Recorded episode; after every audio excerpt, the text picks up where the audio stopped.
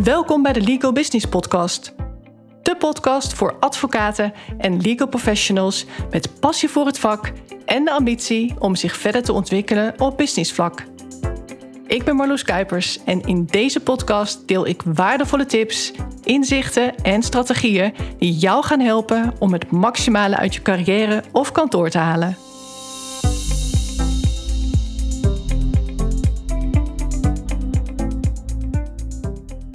Dit is alweer aflevering 27. En dat betekent dat ik al meer dan een half jaar consistent elke week een podcastaflevering heb geproduceerd. En daar ben ik stiekem best een klein beetje trots op. Want je mag best weten dat ik in het begin dacht: waar ben ik toch aan begonnen? Ten eerste kost het mij veel meer tijd dan ik had verwacht. Het is nogal een verschil of je zelf heel laagdrempelig een podcast lanceert of dat je het wat professioneler aanpakt. Je kunt natuurlijk al wandelend je podcast inspreken via je telefoon, met als microfoon je standaard oortjes. Maar daarbij leef je natuurlijk wel enorm in aan kwaliteit. En je kunt ook de intro en de outro skippen natuurlijk. Gewoon super simpel een podcast opnemen. Het is ook veel makkelijker op die manier, want er bestaat niet voor niets zoiets als wandelcoaching. Al lopende is het veel makkelijker praten dan wanneer je strak achter je microfoon tegen geluidsgolven zit aan te kijken nou, dan weet je meteen hoe ik erbij zit. Er zijn er genoeg die het op die makkelijke manier doen. Dan hebben zij vaak wel een heel andere doelgroep natuurlijk. Maar ik heb ook wel podcasts beluisterd van advocatenkantoren waarvan ik denk, moi, als je dan toch de stap zet, doe het dan goed. Ik heb zelf ook wel eens podcasts beluisterd waarin mensen langdurig hardop zitten te denken. Ik wou wat zeggen, maar ik weet niet meer wat. En dat duurt dan echt minuten. Of mensen die heel breedsprakig zijn die tussendoor mensen begroeten op straat. Of ze zijn een hond aan het uitlaten en ik hoor de hondenriem kletteren. Of ze zitten ondertussen hun hond te roepen. Ze rijden in de auto op de snelweg of zelfs door een tunnel. En dan zeggen ze letterlijk: Sorry, ik val even weg. Om vervolgens te roepen: Daar ben ik weer. Kijk, ik kan er af en toe ook wel om lachen hoor. En ergens denk ik ook: Joh, gelijk heb je. Als je er zo mee wegkomt, en jouw doelgroep vindt het alleen maar fijn dat het ook werkt op een verre van professionele manier, ja, waarom zou je het jezelf dan zo moeilijk maken? Daar is natuurlijk wat voor te zeggen. Maar er zijn wel grenzen. Wat ik echt niet vind kunnen voor geen enkele doelgroep is keihard niezen of hoesten in mijn oor. Want als ik AirPods in heb, dan denk ik soms echt dat mijn trommelvlies knapt. Niet oké. Voor mij is het belangrijk wie het zegt, dus naar wie ik luister. En hoe hoger ik iemand heb zitten, des te meer ben ik bereid om in te leveren aan kwaliteit. Maar wat ik heel belangrijk vind, is dat ik het goed moet kunnen verstaan en ik wil dus geen risico lopen op gehoorschade. Want vaak verschilt het geluid enorm als ze een intro en een outro hebben. Dat is dus een begin en een eindtune, voor wie niet weet waar ik het over heb.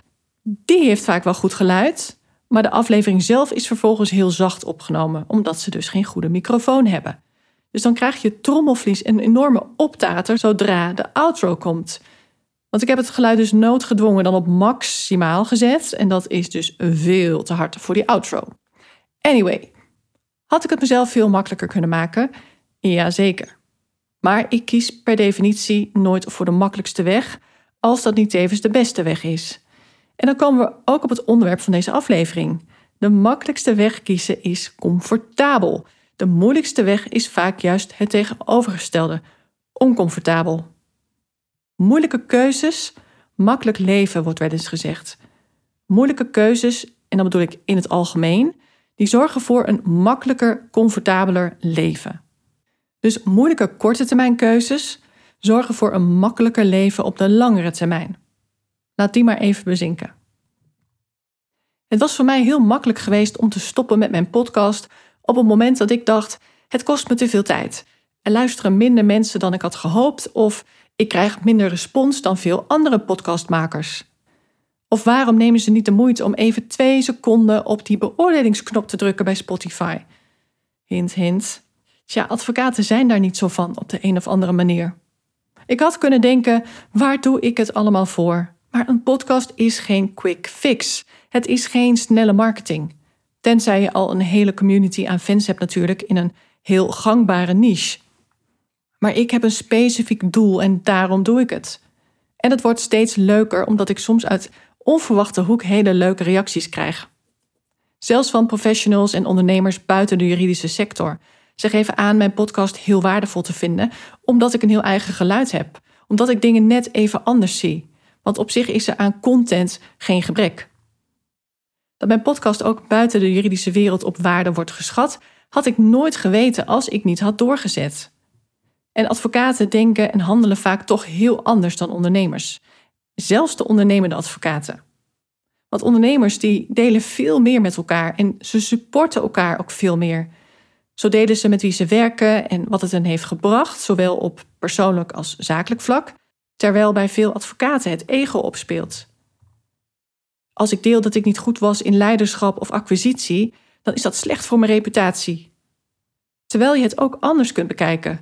Je hebt er hard aan gewerkt, waardoor je er nu dus heel goed in bent. Benadruk je de zwakte die in het verleden ligt of de kracht in het hier en nu? Advocaten durven onderling ook niet echt kwetsbaar te zijn.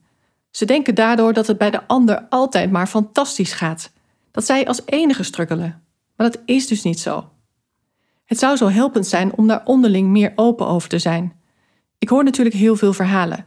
Want als ik een traject met iemand aanga, dan gaat het nooit alleen maar over commerciële doelen. Er is altijd een why. Waarom wil iemand bepaalde doelen bereiken?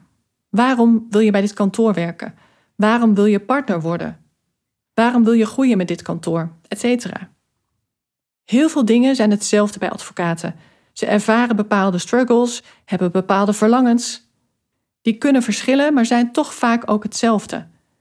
Het grote verschil zit hem in wat ze daar vervolgens mee doen. Blijf je hangen in onvrede en frustratie of ga je er actief wat aan doen? Ga je ook daadwerkelijk actie ondernemen, wat vaak ook betekent dat je uit je comfortzone moet komen. Maar dat is normaal. Daar is geen ontkomen aan. Als je wilt groeien, moet je dingen doen die spannend zijn, of in ieder geval oncomfortabel voelen. Dat geldt voor iedereen, ook voor mij. Je kent de quote wel: You can't be a secret and a success. Die heb ik waarschijnlijk al eens genoemd. Maar het is gewoon waar. En als het bestond, being a secret and a success, then it was me. Echt waar, want ik houd persoonlijk niet van social media. Misschien verbaast het je, want ik hoor geregeld: wat ben je sterk op social media of wat ben je goed in online marketing? Terwijl als je kijkt naar de frequentie qua zichtbaarheid, dan is dat zeker niet heel vaak. Dus het gaat toch weer om kwaliteit, dat blijkt wel. Maar ik voel persoonlijk niet zozeer de behoefte om dingen publiekelijk te delen. Ik heb een Facebook-account, maar daar post ik eigenlijk al jaren niets op. Mijn echte vrienden weten al wat mij bezighoudt of kunnen me bellen om het te vragen. En ik hoef geen likes op mijn vakantiefoto's. Die plaats ik dus ook niet. Het is mij letterlijk de moeite niet waard als je kijkt naar wat je ervoor moet doen. Continu bezig zijn met die telefoon terwijl je ook in het moment kunt genieten. Waarom? En bovendien hecht ik ook wel aan mijn privacy. Want laten we eerlijk zijn, op Facebook zitten niet alleen maar hele close vrienden. Toen ik jaren geleden eens een paar maanden ging rondreizen, toen zeiden vrienden: En ga je nog wat foto's delen op Facebook of hoe zit het? Hoe gaan wij een beetje kunnen meereizen met jou? En toen dacht ik: Tja, daar zit wat in. Laat ik het maar doen. Dus toen heb ik dat ook gedaan. Daar zag ik het nut ook van in. Maar ik ben daarna ook echt weer gestopt. Totdat ik ondernemer werd en ik mij dus over mijn principes heen moest zetten. Wil ik bereiken wat ik wil? Je kunt heel eigenwijs zijn, maar daar heb je alleen jezelf mee. Toen ik startte in de advocatuur was LinkedIn een soort online visitekaartje. Daar deed je maar heel weinig mee. Maar hoe anders is dat nu? Het is eigenlijk onvoorstelbaar dat je als professional geen LinkedIn-profiel hebt. Tegenwoordig kun je geen personal brand opbouwen als je niets over jezelf deelt. Ik had nooit verwacht dat ik ooit aan Instagram zou beginnen, laat staan met een podcast. Maar ik heb het wel gedaan, out of my comfort zone. En dat gaat wennen. Het gaat niet om mijn persoonlijke behoeften, want dan zou ik het niet doen. Maar het gaat om het bereiken van een doel. En de tijden zijn veranderd. Get over yourself, zeg ik wel eens tegen mezelf. En dat helpt. En zo moet jij ook naar de dingen gaan kijken. Wat wil jij bereiken en wat is daarvoor nodig? Je mag niet klagen als je niet eens bereid bent om de stappen te zetten die nodig zijn voor succes. Ik verbaas me soms over advocaten die lopen te klagen dat ze niet het succes hebben wat ze zo graag zouden willen, terwijl ze al jaren in dezelfde comfortzone verblijven. Dat geldt bijvoorbeeld voor advocaten die ongelukkig zijn bij een kantoor, maar die toch maar blijven hangen. En dat geldt ook voor advocaten met een eigen kantoor die te maken hebben met een omzetplafond, al jarenlang. Altijd net te weinig cliënten. Of hele grote pieken en dalen qua drukte en omzet. Tja, cliënten komen niet vanzelf aanwaaien. Tenminste, niet de cliënten waar je blijkbaar op zit te wachten. Succes leaves clues. Elke succesvolle advocaat waar jij nu tegenop kijkt, doet dingen of heeft dingen gedaan die jij waarschijnlijk niet bereid bent om te doen. Ik heb het niet over onwil, maar wel over uitstelgedrag. Over smoesjes verzinnen waarom het nu niet de tijd is om bepaalde stappen te zetten. Ja, ik wil wel, maar ik ben nu even druk met andere dingen. Of op dit moment heb ik nog cliënten genoeg. Ja, maar ik heb nu even onvoldoende omzet. Ja, ik wil dat wel bereiken, maar ik ga eerst op vakantie. Of ik ga straks al met zwangerschapsverlof. Er is simpelweg altijd een reden op te noemen waarom nu niet het juiste moment is. Altijd. Je zult je best moeten doen om van dit moment het juiste moment te maken. Ik zal bijna zeggen, schrijf deze even op. En je zult daarbij los moeten laten dat het op een bepaalde manier moet. Verwachten dat je 100% volle aandacht of focus moet hebben om ergens mee te starten. Dat is onrealistisch. Je hoeft geen lege agenda te hebben om tijd te maken om met je toekomst bezig te zijn. Je hoeft niet zonder cliënten te zitten om je met acquisitie bezig te houden. Want neem van mij aan, en ik ga nu een gouden tip geven. Als je bepaalde doelen wilt bereiken op de langere termijn, is het allerbeste moment om daarmee bezig te gaan het moment waarop je denkt het makkelijk nog even uit te kunnen stellen. Dit is weer zo'n zin waarbij ik even moet pauzeren, denk ik. Simpeler gezegd, begin juist te werken aan jouw doelen wanneer het nu ook goed gaat. En dat is wat ondernemers doen. Die kijken altijd naar wat er nog meer mogelijk is, of op welke manier ze dingen zouden kunnen aanpassen in hun bedrijf, zodat ze het zichzelf makkelijker maken. Dat is het hebben van een visie. En als je dus geen scherpe visie hebt, dan blijf je hangen bij het gevoel: ik heb toch een prima omzet. Ik ga lekker op deze voet door. Maar je staat dan als het ware stil. De scherpte gaat ervan af. Het kabbelt allemaal voort. Maar neem van mij aan dat je je weliswaar comfortabel waant, maar dat je mogelijk juist een probleem aan het creëren bent. Want er zijn advocaten in mijn trajecten, en het zijn er meerdere, die het prima voor elkaar hadden, dachten ze. Totdat er grote veranderingen werden doorgevoerd die drukten op de omzet en vooral op de winst. Denk aan het aannemen van een aantal nieuwe medewerkers. Denk aan het flink investeren in innovatie. Het verliezen van een paar grote cliënten. Een vernieuwde website die ineens geen leads meer oplevert. Dan heb je ineens een groot probleem. Geen klein probleem, maar een groot probleem. En om er dan wat aan te doen, dat is een veel grotere stap qua stress. Je moet dan wel een financiële investering doen om ervoor te zorgen dat jouw kantoor weer rendabel wordt. En het liefst natuurlijk veel meer dan dat. Dat is pas spannend en out of your comfort zone. Er zijn een paar kantoren die mijn hulp hebben ingeschakeld, die letterlijk zeiden: waren we je maar een jaar eerder tegengekomen. Maar dat zeggen ze met de kennis van nu. Maar een jaar geleden waren ze zich helemaal niet bewust van de wankele positie waarin ze zich bevonden. Ze hadden toen het idee dat alles goed ging. Met de kennis van nu weten ze dat ze toen al dingen anders hadden moeten doen. Maar laat dit een les zijn voor jou. Word niet te comfortabel met hoe het nu is. En voor je mij verkeerd begrijpt of verkeerd wilt begrijpen, dat kan natuurlijk ook. Zo van, ja, je hoeft toch niet altijd meer omzet te willen maken. Nee, dat bedoel ik ook niet. Wat ik bedoel te zeggen is dat ook jouw huidige omzet behouden werk kost.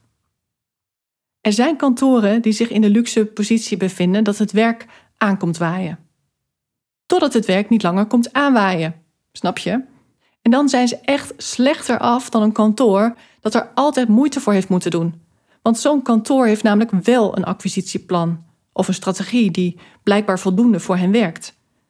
Maar een kantoor dat daar nooit over na heeft gedacht, nooit over na heeft moeten denken, die is op zo'n moment compleet ontredderd. Het ontbreekt hen aan de skills om het tijd te keren. En als je dan een groot team hebt van advocaten die ineens met hun duimen zitten te draaien, nou, dan mag ik hopen dat je een grote buffer hebt. Dus wat jouw zakelijke doelen ook maar zijn, Zorg ervoor dat je een plan hebt om dat te bereiken. En dat je weet wat je moet doen als plan A niet meer werkt. Wat nou als cliënten niet meer spontaan bellen? Wat ga je dan doen? Wat nou als twee goede medewerkers tegelijk vertrekken? Wat ga je dan doen? Als er nood aan een man is en je moet echt alles op alles zetten om het tijd te keren, dan voelt dat oncomfortabel. Dan staat er druk op. Maar veel advocaten vinden investeren als er geen nood aan de man is ook al spannend. Hun huidige situatie is verre van ideaal, maar ze zijn er wel aan gewend. Het is ergens toch comfortabel om hierin te blijven hangen. Gek genoeg. En dat is dus het gebrek aan een ondernemersmindset. Check het maar bij jezelf. Wat is jouw natuurlijke manier van denken? Vind jij het spannender om te verliezen wat je nu hebt, ook al is dat niet waar je echt heel blij van wordt? Of ben je nieuwsgieriger naar wat er mogelijk is, naar wat er ook kan? Naar de best outcome possible, in plaats van worst outcome. Denk jij in risico's of denk je in kansen? Stel jezelf deze vraag maar. Het voelt voor advocaten vaak spannend om aan iets te beginnen waarvan ze nog niet zeker weten wat het hen gaat brengen. Wat nou als ik het niet kan? Wat nou als het mij, als grote uitzondering, niet lukt? Wat nou als ik er spijt van krijg? Tja, laat dit nou voor iedereen hetzelfde zijn. Ik hoef de term Bitcoin maar te noemen en je snapt dat het loont om een bepaald risico te nemen, in plaats van iets zeker te weten. Want wie jaren geleden heeft geïnvesteerd in Bitcoin, had geen enkele zekerheid dat Bitcoin nog zou bestaan. Laat staan dat het zoveel waard zou worden. En ik stond laatst nog bij iemand voor de deur waar een Ferrari van 2 ton op de oprit stond. Een jonge cryptomiljonair. Nou komt even een hele grote disclaimer, want ik adviseer hierbij natuurlijk helemaal niks. Maar wel dat je comfortabel moet leren worden met een iets wat oncomfortabel gevoel. En waarom? Omdat je anders nooit een andere werkelijkheid gaat creëren dan die je nu al leeft. En als alles perfect naar jouw zin is, prima, dan heb ik niets gezegd en ben ik echt heel blij voor je. Maar waarschijnlijk luister je dan niet naar deze podcast. Maar heb je nog dromen? Heb je ambitie? Ga er dan voor.